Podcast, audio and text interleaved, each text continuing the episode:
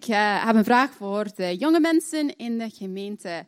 Uh, we hebben op donderdag een feest gevierd. Welke feest was het donderdag? Hemelvaart, ja. En wie weet wat er gevierd wordt met hemelvaart? We krijgen allemaal een vrije dag, maar wat is dat hemelvaart? Ja. Ja, iedereen bidt op hemelvaart. En waarom? Waarom is dat speciaal? Elisabeth? Ja, heel goed. Jezus is terug naar de hemel gegaan. Ik ga dat gewoon um, voorlezen uit de Marcus-evangelie. Toen de Heer Jezus dat gezegd had, liet God hem naar de hemel gaan. Daar ging Jezus naast God zitten, aan de rechterkant. De leerlingen gingen op weg, overal vertelden ze het goede nieuws. De Heer hielp hen en hij gaf hen de kracht om wonderen te doen. Zo liet hij zien dat het goede nieuws waar is. Dus inderdaad, zoals Elisabeth zegt, gaat, ging Jezus terug naar de hemel. En hij ging zitten aan de rechterkant van de Vader. Aan de rechterkant, dat is wel een speciale plaats. De rechterkant, dat is de plaats voor de belangrijkste persoon, voor de koning. Dus eigenlijk is hemelvaart ook een, een viering, een, uh, een herdenking dat Jezus koning is. Koning is over de hele aarde. En dat gaan we vandaag vieren. Dus ik heb lezingen gekozen die allemaal te maken hebben met de glorie van Jezus of uh, zijn koningschap. Uh, dus we gaan beginnen met ons eerste lied. Majesteit,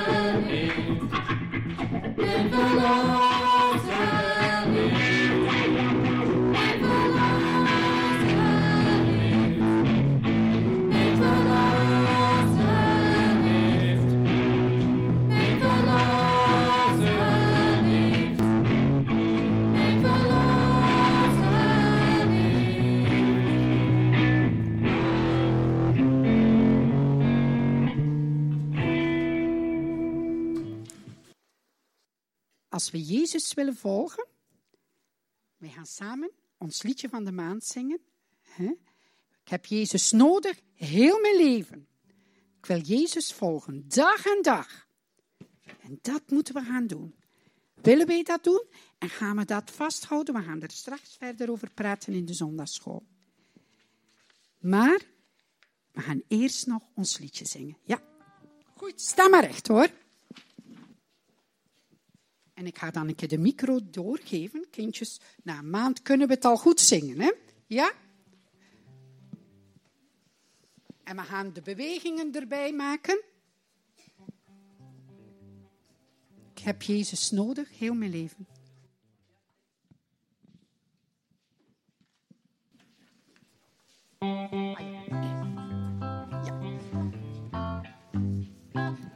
Ze is nodig, heel mijn leven. Ik heb Jezus nodig, dag en dag. In mijn handel, in mijn wandel, in mijn slapen en ontwaken. Ik heb hem nodig, dag en dag. Jezus volgen, heel mijn leven. Wil Jezus volgen, dag en dag. In mijn handel, in mijn wandel, in mijn slapen en ontwaken. Ik wil hem volgen, dag en dag.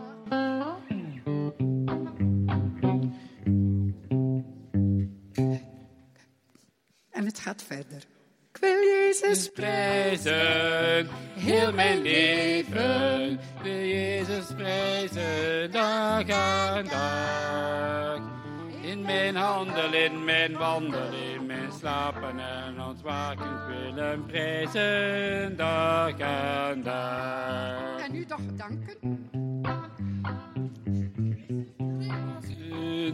Heel mijn leven, wil Jezus danken, dag en dag. In mijn handel, in mijn wandel, in mijn slapen en ontwaken, ik wil hem danken, dag en dag. Goed.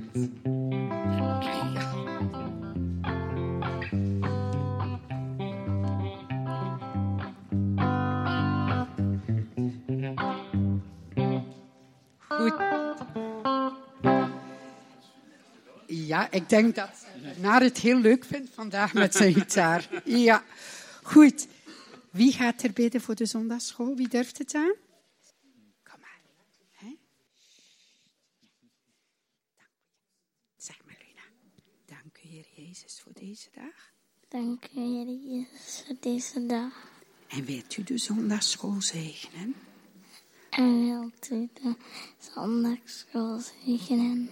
Amen. Amen. Heel goed. Kinderen mogen naar de zondagschool en daar gaan we verder.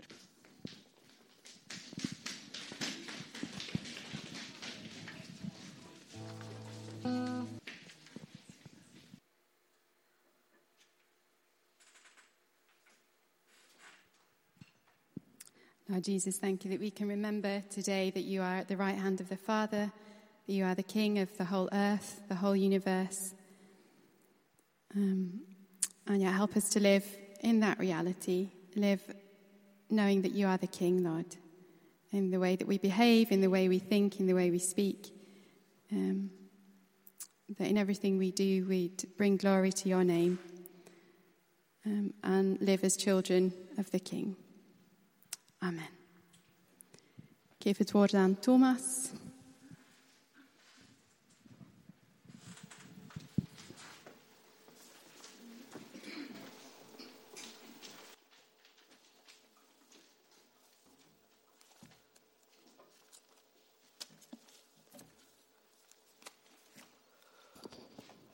Wel, Holly.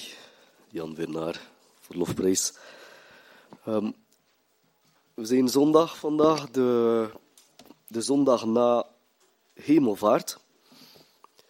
En hemelvaart is toch een dag dat we eigenlijk waaraan, dat niet echt altijd aan denken. En ik vind het eigenlijk wel goed dat we toch jaarlijks die, die feestdag hebben. Oké, het, is, het is tof. Uh, hoeven niet te werken, we hoeven even niet naar school te gaan. Sommigen zijn aan het studeren ondertussen, maar ja, ieder jaar worden we toch wel weer herinnerd aan, aan de gebeurtenis dat er toch een hemelvaart was. Ik moet zeggen, zelf had ik ook niet, ja, had ik ook niet de bedoeling om, om hierover samen met jullie na te denken, wat dat de betekenis is van.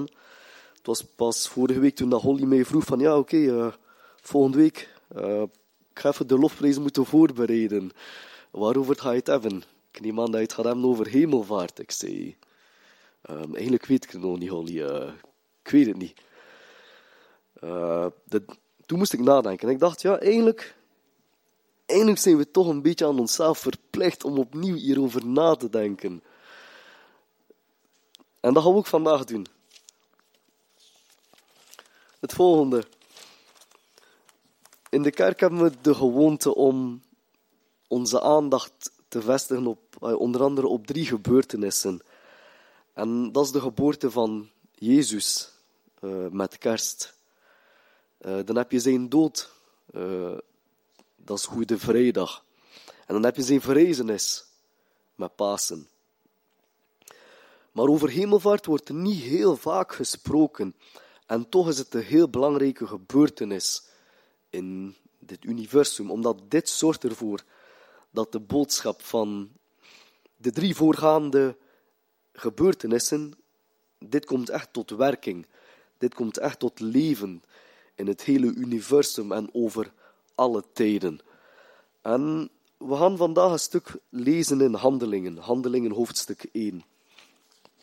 Zoals altijd, jullie kunnen altijd meevolgen in, in potscherven. Ik heb een samenvatting neergeplaatst, zodat jullie er achteraf ook kunnen over nadenken. Ook tijdens de boodschap moest je de, ja, de draad kwijt zijn, dat je opnieuw kunt kijken hierin waar dat we zitten. Maar we gaan lezen in Handelingen hoofdstuk 1, vers 1.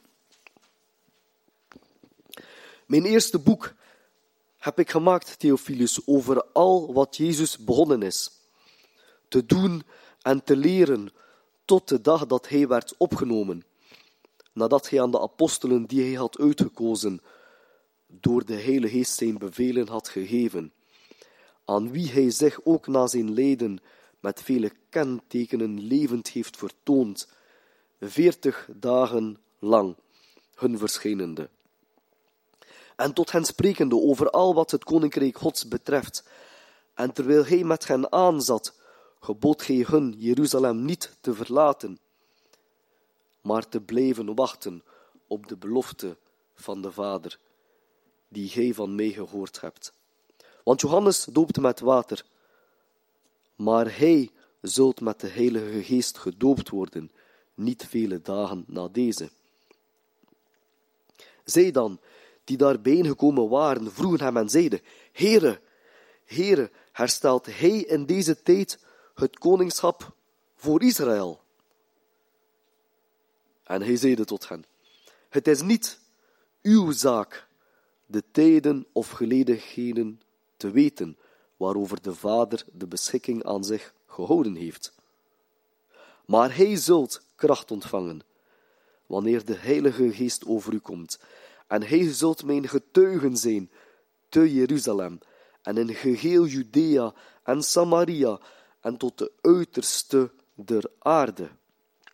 En nadat hij dit gesproken had, werd hij opgenomen, terwijl zij zagen, en een wolk ontrok hem aan hun ogen.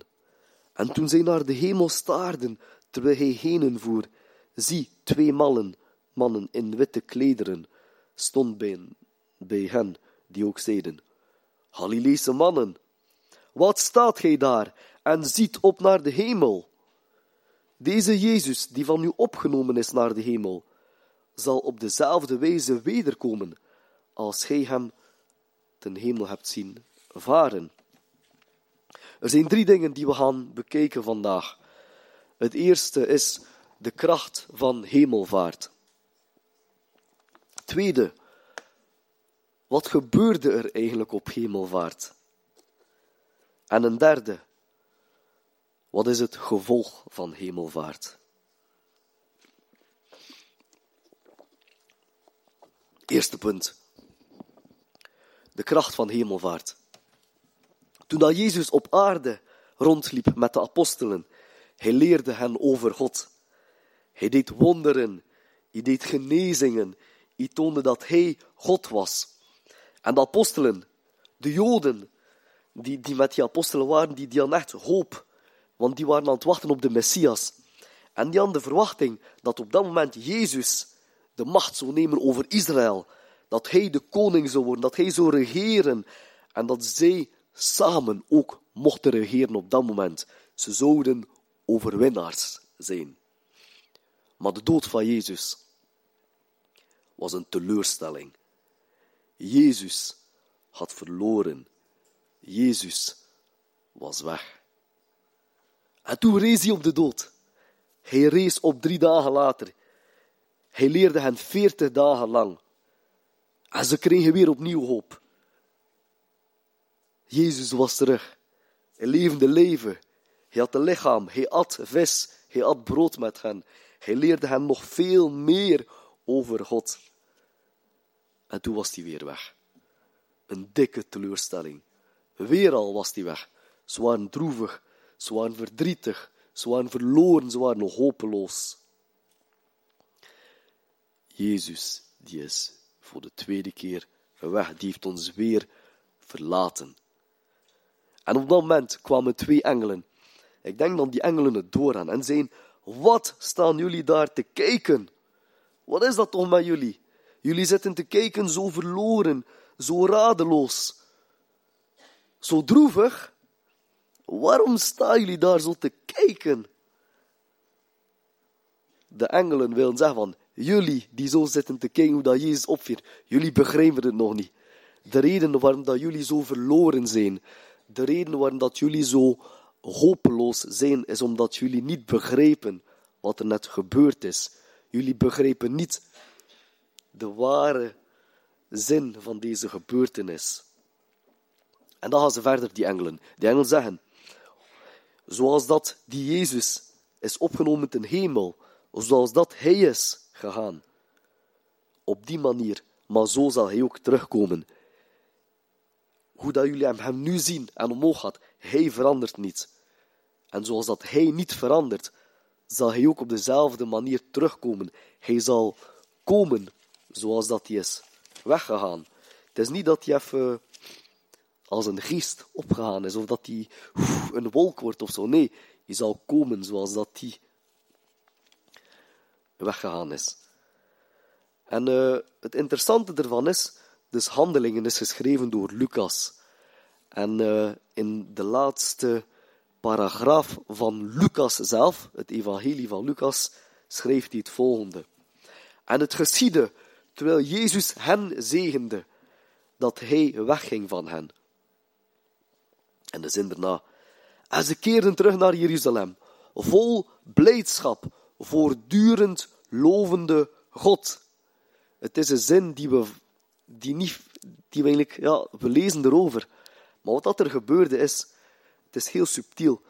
Dus tussen het moment dat ze daar stonden, zo verloren zaten te kijken hoe dat Jezus naar boven ging, en het moment dat ze aankwamen in Jeruzalem, in die periode werd er een klik gemaakt in hen. Ze begrepen opeens van, hey, we begrepen wat die hemelvaart betekent. En in plaats van droevig te zijn, in plaats van hopeloos te zijn, kregen ze kracht. Ze werden vol hoop, ze waren vervuld met blijdschap en ze bleven God lovende van dank u vader, dank u vader. Ze loofden, ze baden samen. En zoals dat voor hen het belangrijk is om te begrijpen wat hemelvaart is, is het ook voor ons vandaag belangrijk om te begrijpen wat hemelvaart is. Het is op het moment dat wij begrijpen wat er achter hemelvaart zit, het is dan dat je terug weer die kracht, krachtig wordt, dat je terug hoop krijgt. Dat was het eerste punt, de kracht van hemelvaart.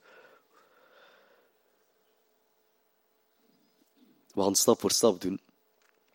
Door te begrijpen wat hemelvaart is, krijgen we terug hoop. Wat is hemelvaart? Komen we bij het tweede punt.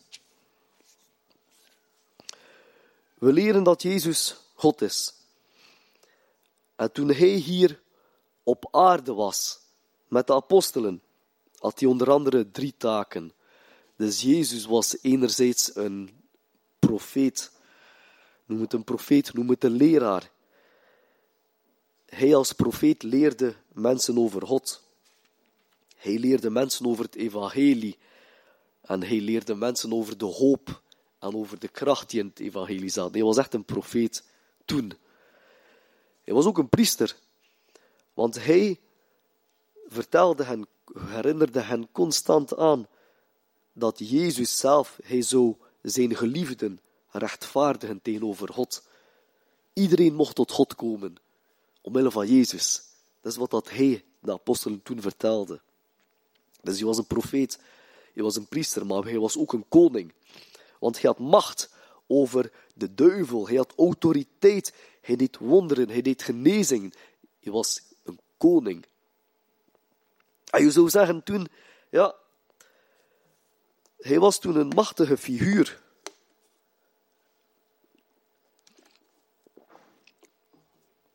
Je zou zeggen, ja, het was een machtige figuur, die Jezus, toen hij bij de apostel was. En dat is tof, maar nu is hij er niet meer. Dus wat maakt het nu uit? Dat hij toen een machtige figuur was, oké.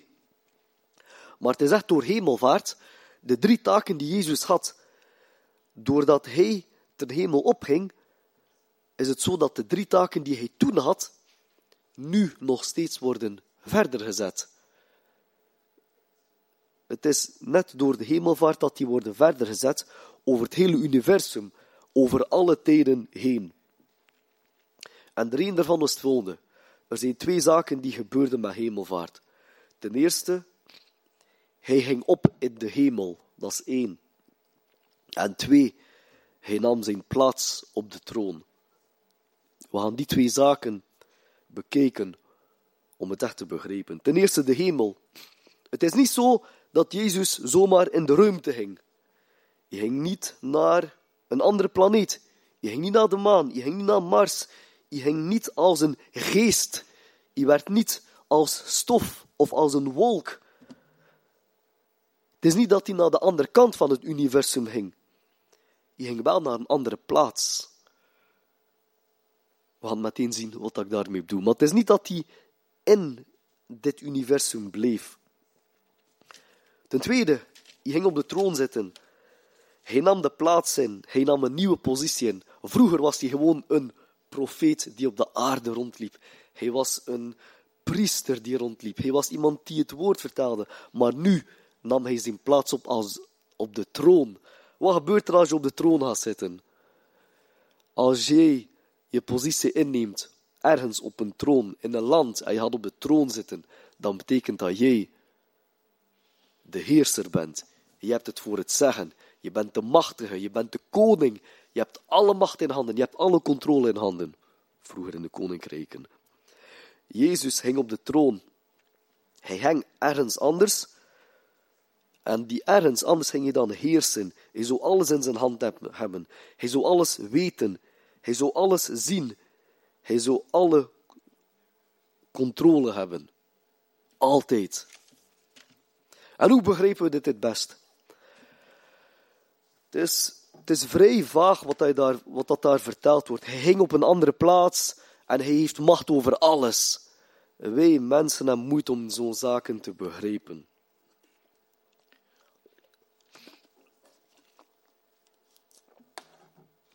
Ik heb even last van mijn keel.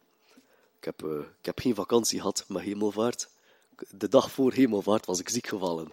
Zwaar verkoudheid, dus ben net genezen sinds gisteren. Dus ik heb niet kunnen genieten van die vrije dagen.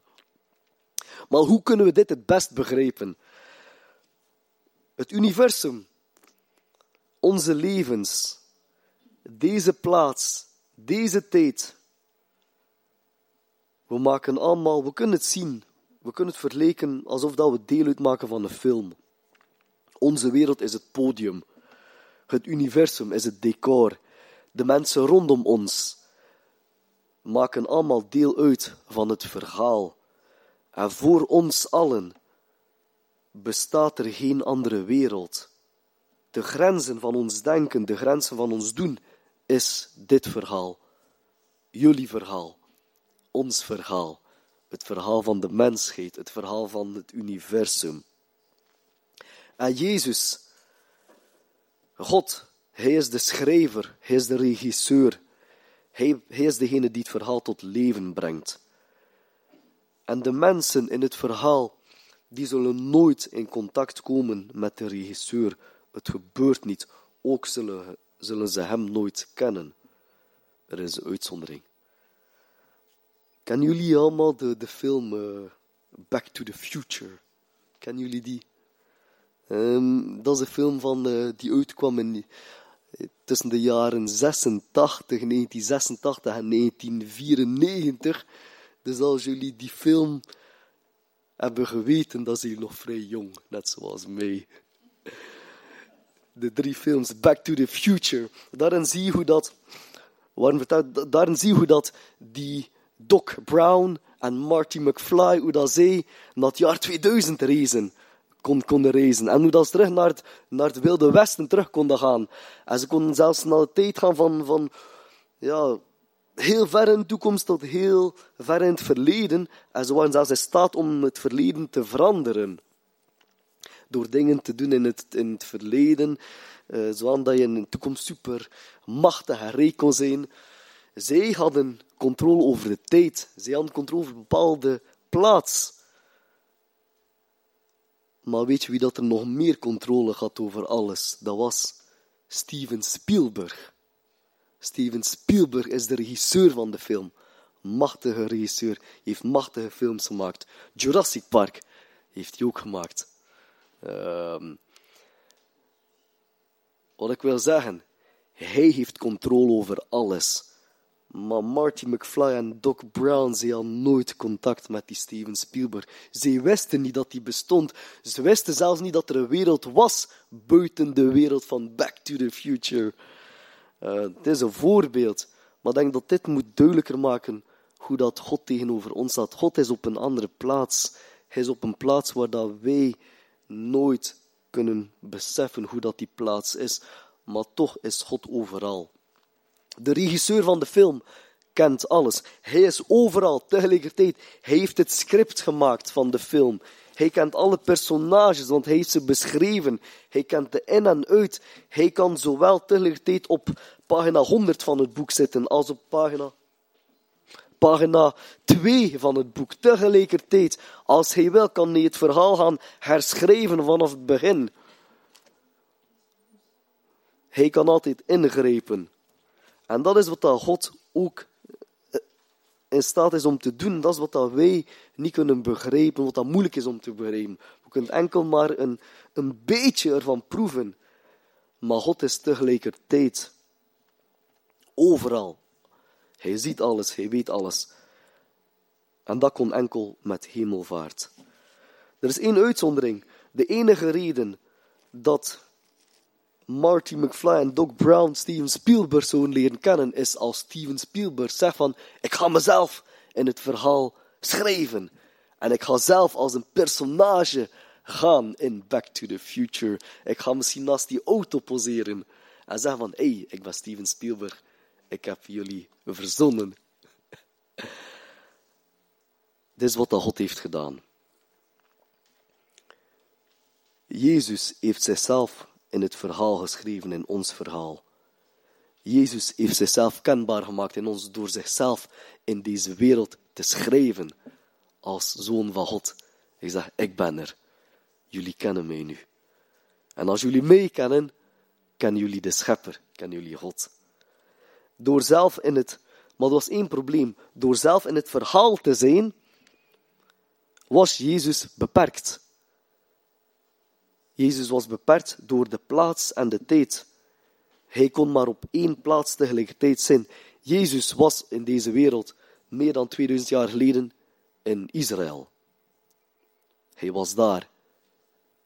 Hij is niet nu, letterlijk, hij is nu niet lichamelijk aanwezig bij ons zoals dat zij hem lichamelijk zagen. Hij kon niet tegelijkertijd zijn op meerdere plaatsen. Hij kon maar op één plaats tegelijkertijd zijn. Als hij op het schip was en het schip was aan het breken, was hij op het schip. Was hij in de synagoge, was hij in de synagoge. Hij was niet op meerdere plaatsen tegelijkertijd.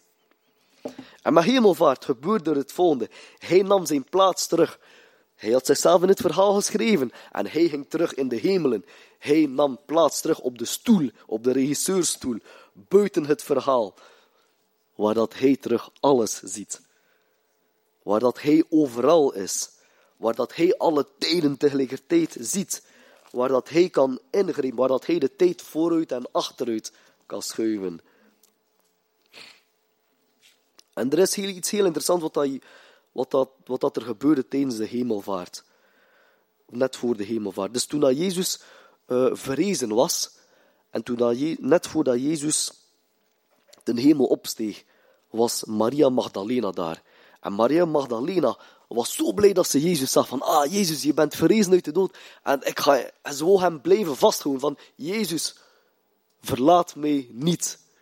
Ik hou, ik wil je vasthouden. En Jezus zei aan Maria Magdalena, hou me niet vast.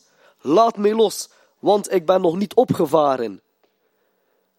Het is een heel klein vers, maar zit zoveel betekenis in. Laat mij los, Maria. Hou mij niet vast. Je moet me laten gaan. Eindelijk zegt Jezus: Wees niet droevig. Wees niet bang dat je mij zult verliezen. Ik moet weggaan. Als je mij nu laat gaan, als je mij nu loslaat, dan zal ik altijd bij je zijn. Dit is vreemd. Sta je voor. Jan, zoals altijd, sta je voor dat hier terug zegt, Jan, ik ga je verlaten, laat me los.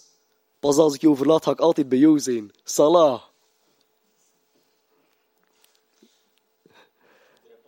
Dit, nee. Dit is niet logisch. Dit is niet logisch, nee. We lachen ermee, maar het is niet logisch. Jezus zegt aan Maria, Jezus zegt aan zijn apostelen, je, laat mij los. Ik ga jullie verlaten. Het is pas als ik jullie verlaat dat ik altijd en overal bij jullie zal zijn. Het is iets wat dat bovenmenselijk is. Wij snappen zo'n dingen niet. Maar het is gebeurd. Jezus was ooit op aarde, hij was gebonden aan plaats en tijd. Maar nu dat hij terug buiten het verhaal is, is hij in staat om terug overal te zijn. En daarom is ook altijd bij ons, bij hen. Hij is de schepper van alles. Hij is de schrijver van tijd, de schrijver van plaats, de schrijver van onze levens.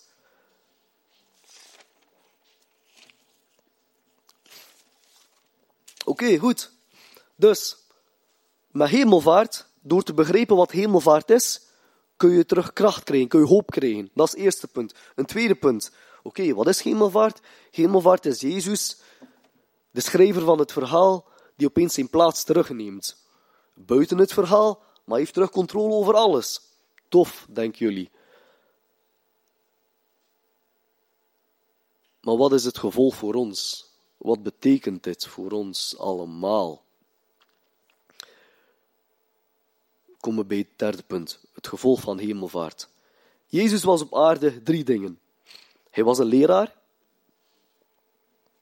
Hij leerde. Hij was een priester. Hij verdedigde ons tegenover God.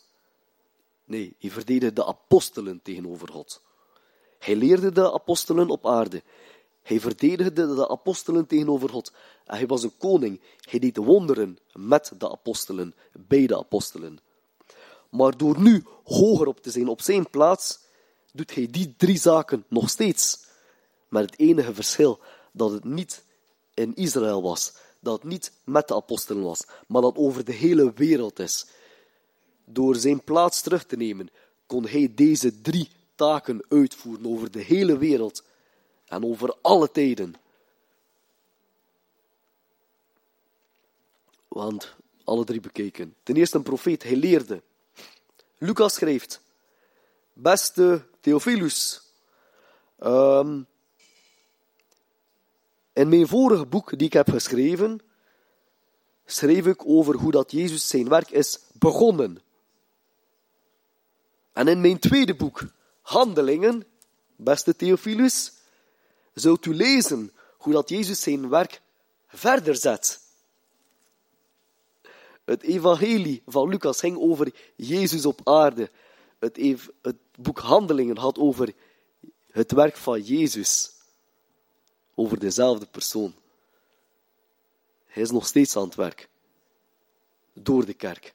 Je zult merken, het boek Handelingen gaat over het werk van Jezus als profeet. Dus je ziet in Handelingen hoe dat de kerk het woord van Jezus verder brengt. Het is niet de kerk die het doet, het is Jezus die het doet door de kerk. En het is interessant. De apostelen tijdens de veertig dagen toen dat Jezus terug was, die veertig dagen, vroegen ze, hey Jezus, we zijn echt blij dat je er bent.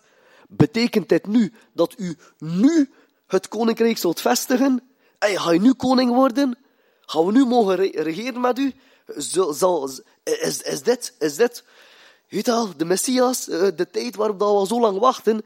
En Jezus antwoordt, jullie zijn enthousiast, maar luister, het is niet aan jullie om het te weten. Het is jullie zaak niet. Maar jullie zullen mijn getuigen zijn. Je gaat verder. Jullie zullen, zullen mijn getuigen zijn in Israël, in Judea en tot het eind der wereld. Eigenlijk wat Jezus zegt het volgende. En Jezus, Jezus, ga jij nu beginnen werken in de wereld? En Jezus zegt, nee, nee, nee, nee, nee. Ik ga niet werken alleen. Jullie zullen mij getuigen zijn. Maar Jezus, ga jij? Nee, nee, nee. Niet ik. Jullie, zegt Jezus. Dus Jezus geeft een krachtig signaal van, het is jullie. Het is door jullie. Vroeger was Jezus persoonlijk op zijn eentje aan het werk, kun je zeggen, toen dat hij op aarde rondliep. Hij deed wonderen, hij bracht het woord verder, hij verdedigde de mensen tegenover God. Nu is hij aan het werk door ons allemaal. En dit is het interessante. Door hemelvaart, doordat Jezus terug is op zijn plaats, spreekt Jezus door ons. Hij, hij gebruikt onze woorden. Hij gebruikt onze daden. Hij gebruikt onze manier van leven. De meeste van ons zijn hier bekeerd. De meeste van ons kennen Jezus.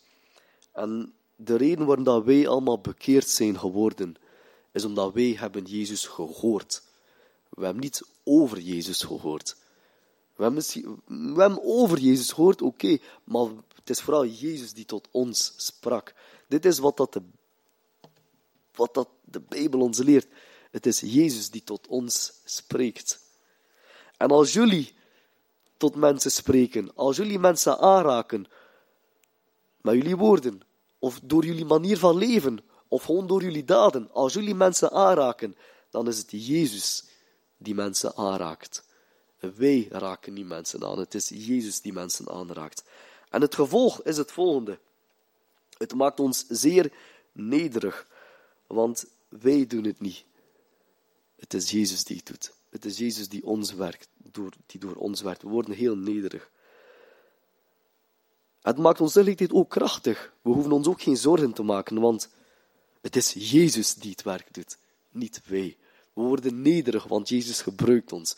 We worden krachtig, want Jezus werkt door ons. Dit is Jezus als profeet door hemelvaart.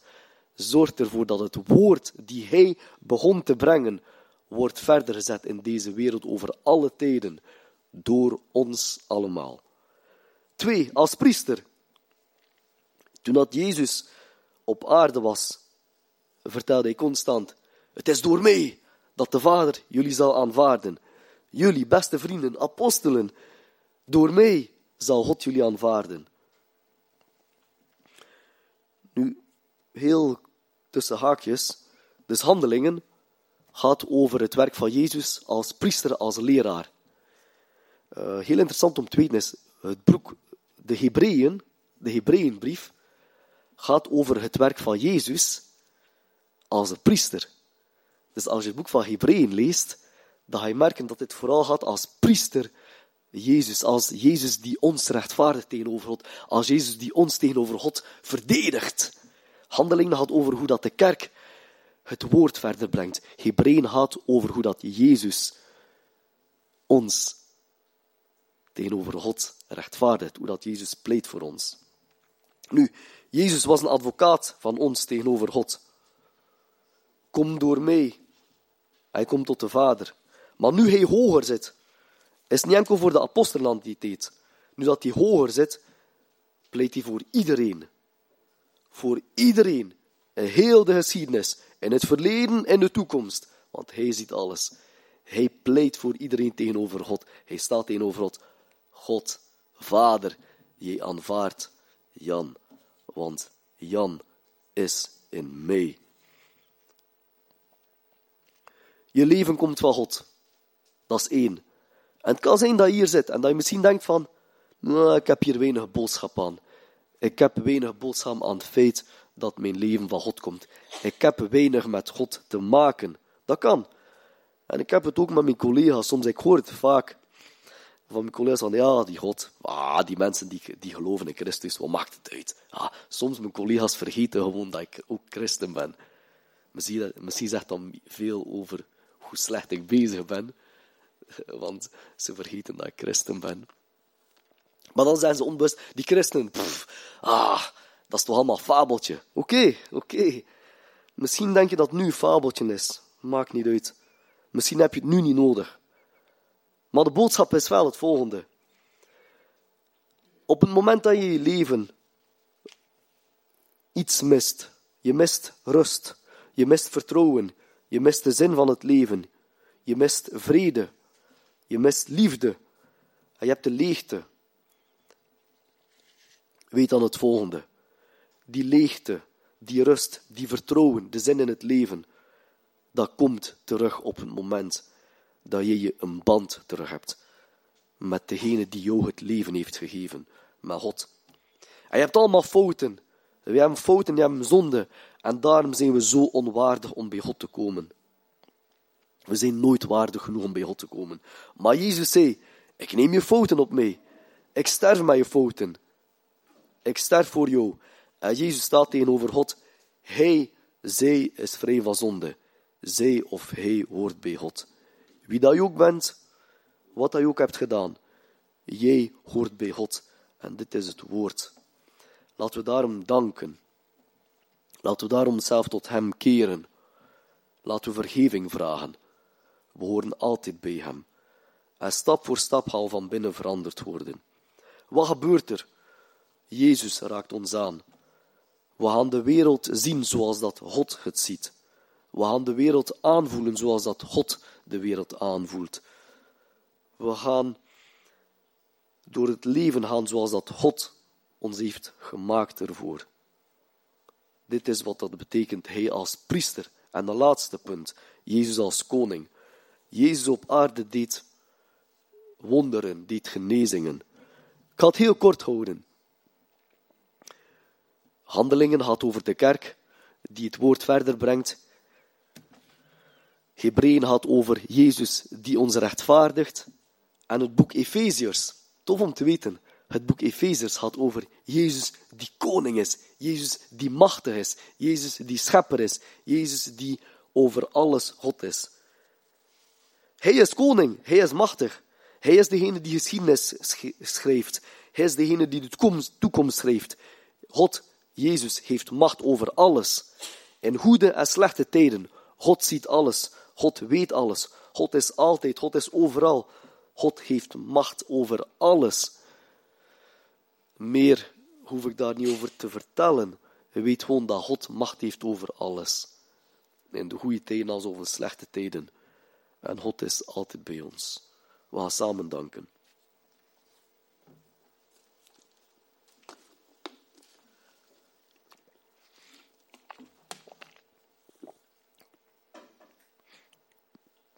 Vader, dank u wel voor de tijd dat we mogen samen nadenken over de hemelvaart. Dat we samen terug mogen beseffen dat u God bent. Dat u alles ziet. Dat u er was voordat wij er waren. U kende ons voordat wij ooit geboren waren. En we komen echt tot u, Vader. We vragen echt vergeving voor onze fouten. We hebben zoveel fouten en we zijn zo onwaardig, Vader. Maar we komen vergeving te vragen, omdat we weten dat we door Jezus bij u mogen zijn. Dank u wel dat we bij u horen, Vader. Dank u wel dat we bij u mogen komen. Raak onze harten aan, iedere dag weer opnieuw. laat ons met u mensen aanraken, Vader. Dank u wel, Vader. Amen.